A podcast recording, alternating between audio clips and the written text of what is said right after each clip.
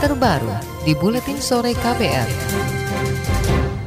Tarik ulur rencana kenaikan tarif jasa angkutan daring atau ojek online membuat konsumen khawatir. Pasalnya selama ini keberadaan ojek online ini sangat membantu konsumen untuk transportasi sehari-hari. Salah seorang karyawan swasta Nino mengatakan kenaikan tarif akan menambah biaya pengeluaran transportasi bulanan. Apalagi ojek online menjadi andalannya untuk pergi dan pulang kantor. Kalau memang mau dinaikin ya jangan nyusahin customer juga lah. Ya kan toh selama ini perusahaan-perusahaannya pasti udah untung lah masa mau nyari untung lagi ya kan, kan kesenangan konsumen kan eh, itu nomor satu kenapa malah dinaikin lagi?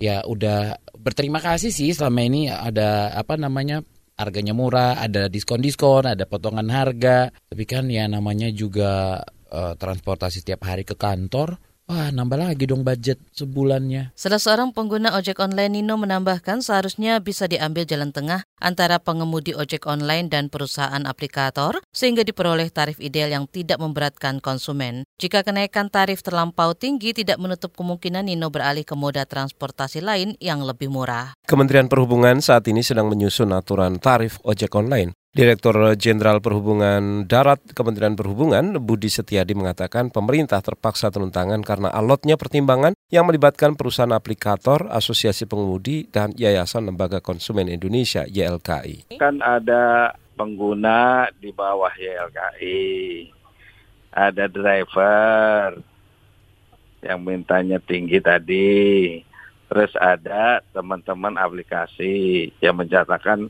agar bisnisnya juga bisa sustain. Ya pengennya begitu, mengembirakan semua pihak. Kan begitu tugasnya pemerintah. Makanya masih kami pertimbangkan itu ya. Direktur Jenderal Perhubungan Darat di Kementerian Perhubungan Budi Setiadi menambahkan, ia akan kembali menemui asosiasi pengemudi ojek online untuk membahas aturan tarif tersebut sebelum mengeluarkan keputusan. Rencananya keputusan tarif akan diumumkan pada Senin depan. Saat ini tarif ojek online sekitar Rp1.400 per kilometer. Pengemudi menuntut tarif dinaikkan hingga Rp3.000 per kilometer. Gabungan Aksi Roda 2 Garda Indonesia yang berisi pengemudi ojek online mengatakan angka Rp2.400 per kilogram yang diajukan ke pemerintah dan aplikator menjadi angka ideal untuk memenuhi biaya operasional pengemudi. Presidium Nasional Garda Igun Wicaksono mengatakan ada tarik ulur antara pengemudi dan aplikator. Mereka berharap pemerintah menjadi penengah yang baik dalam menentukan tarif ojek online yang ideal dan tidak memberatkan konsumen, pengemudi, serta aplikator. Jadi memang ini tarik ulur antara aplikator dengan kami. Aplikator maunya tetap murah,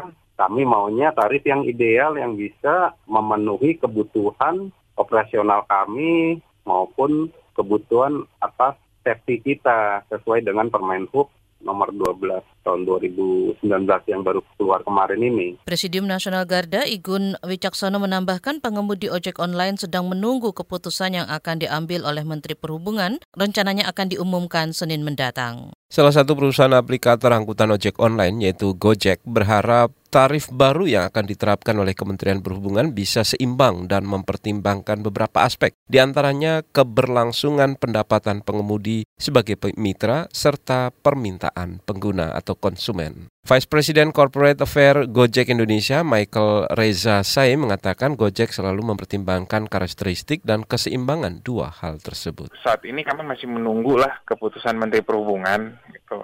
Yang pastinya dipertimbangkan satu preferensi konsumen, keberlangsungan industri ride hailing juga dan yang paling penting juga pendapatan para mitranya ini yang yang, yang paling penting. Jadi keseimbangan antara ketiga itu. Vice President Corporate Affair Gojek Indonesia, Michael Reza, saya juga menolak untuk menanggapi apakah akan ada hubungannya penurunan pengguna aplikasi mereka setelah tarif baru nanti diputuskan oleh Kementerian Perhubungan. Sementara Yayasan Lembaga Konsumen Indonesia YLKI menyatakan kenaikan tarif ojek online harus adil untuk konsumen. Wakil Ketua Harian YLKI Sudaryatmo mengatakan penetapan kenaikan tarif ojek online harus dilakukan secara akurat dan transparan untuk melindungi hak konsumen sekaligus menguntungkan pengemudi. Uh, kalau dari sisi konsumen itu tarif yang fair lah. Tarif fair itu ya tadi ya Pak. Uh, dari tarif itu bisa menutupi biaya terus ada margin travel satu itu. Kemudian yang kedua juga begini ya Mbak, kalau tarifnya itu untuk mengcover cost saja nggak cukup, itu juga apa tidak menjamin kelangsungan bisnis ini kan gitu. Pengurus YLKI Sudaryatmo mengatakan dalam penetapan tarif harus memperhatikan juga jenis bahan bakar yang dipakai pengemudi serta penggunaan bahan bakar menjadi acuan untuk penetapan biaya operasional pengemudi. Saat ini Kementerian Perhubungan masih mengkaji besaran tarif ojek online. Pengemudi ojek online mengusulkan tarif sebesar Rp3.000 per kilometer dengan asumsi belum kena potongan 20% untuk aplikator. Sementara aplikator mengusulkan tarif Rp2.000 hingga Rp2.100 per kilometer. KBR Sport.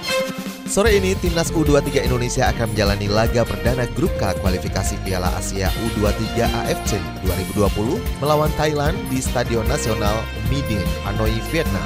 Bagi Indonesia, pertandingan tersebut sangat menantang dan cukup sulit untuk dilewati. Apalagi pelatih timnas U23 Thailand, Alexander Gama, merombak hampir keseluruhan skuadnya.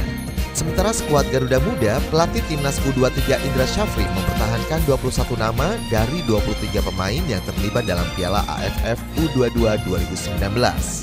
KBR Sport. Federasi Bulu Tangkis Dunia BWF menjatuhkan hukuman skorsing selama 18 bulan kepada atlet bulu tangkis Denmark Joachim Persson setelah diduga melanggar kode etik olahraga terkait perjudian hasil pertandingan. Mantan pebulu tangkis peringkat 6 dunia itu dinyatakan bersalah atas empat pelanggaran kode etik. Joachim Persson juga diperintahkan membayar denda sebesar 4.500 dolar Amerika kepada BWF. KBR Sport.